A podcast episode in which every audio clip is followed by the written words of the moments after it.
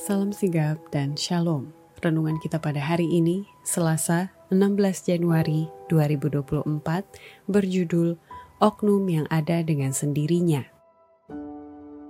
Ayat intinya terdapat di dalam Yohanes 8 ayat 58. Kata Yesus kepada mereka, Aku berkata kepadamu, sesungguhnya sebelum Abraham jadi, aku telah ada. Pena Inspirasi menuliskan judul renungan kita pagi ini, oknum yang ada dengan sendirinya, yang tidak lain dan tidak bukan adalah Yesus, nama di atas segala nama, agar supaya kita bisa mengalami pengalaman pribadi dan dapat memaknai dan merasakan sentuhan kasihnya dan lebih memperkaya perjalanan hidup ini sampai kita kelak bisa bertemu dengan dia muka dengan muka di surga sebagai berikut. Pertama, oleh sebab Yesus adalah oknum yang ada dengan sendirinya, makanya Dia adalah sumber dari kehidupan dan sukacita bagi setiap orang yang hidup yang sudah mati sekalipun.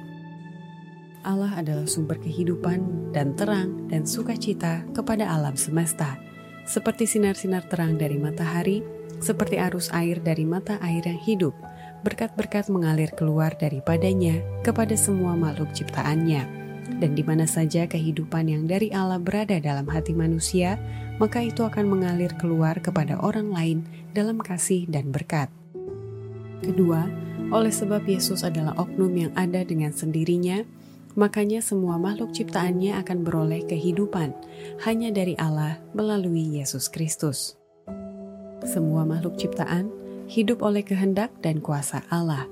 Mereka adalah penerima kehidupan yang dari anak Allah Betapapun kesanggupan dan bakat, betapapun besarnya kemampuan mereka, semua mereka diisi dengan kehidupan yang dari sumber segala kehidupan.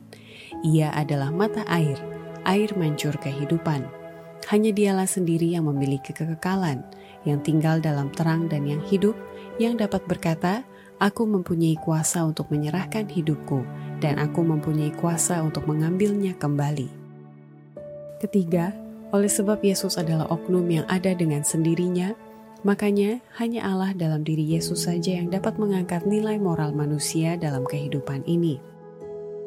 Nilai manusia sebagaimana Allah memperkirakannya adalah melalui persatuannya dengan Kristus, karena hanya Allah satu-satunya yang sanggup mengangkat manusia itu dalam skala nilai moral melalui kebenaran Kristus. Kehormatan dan kebesaran dunia hanya seharga yang ditempatkan Pencipta ke atas mereka.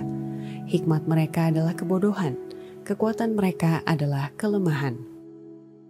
Keempat, oleh sebab Yesus adalah oknum yang ada dengan sendirinya, makanya hanya orang-orang yang percaya kepada Yesus saja yang akan masuk ke dalam kegembiraan dan hikmat makhluk-makhluk yang tidak berdosa di surga seluruh perbendaharaan alam semesta akan terbuka untuk dipelajari oleh anak-anak Allah.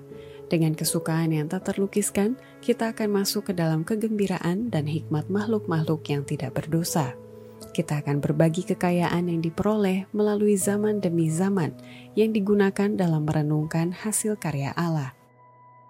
Kelima, oleh sebab Yesus adalah oknum yang ada dengan sendirinya, Makanya hari sabat, hukum keempat dari sepuluh hukumnya, sebagai tanda kepemilikannya atau sebagai meterai Allah yang hidup.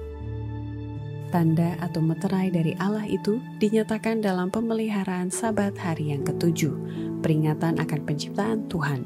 Tanda binatang adalah kebalikan dari ini, pemeliharaan hari pertama dalam pekan.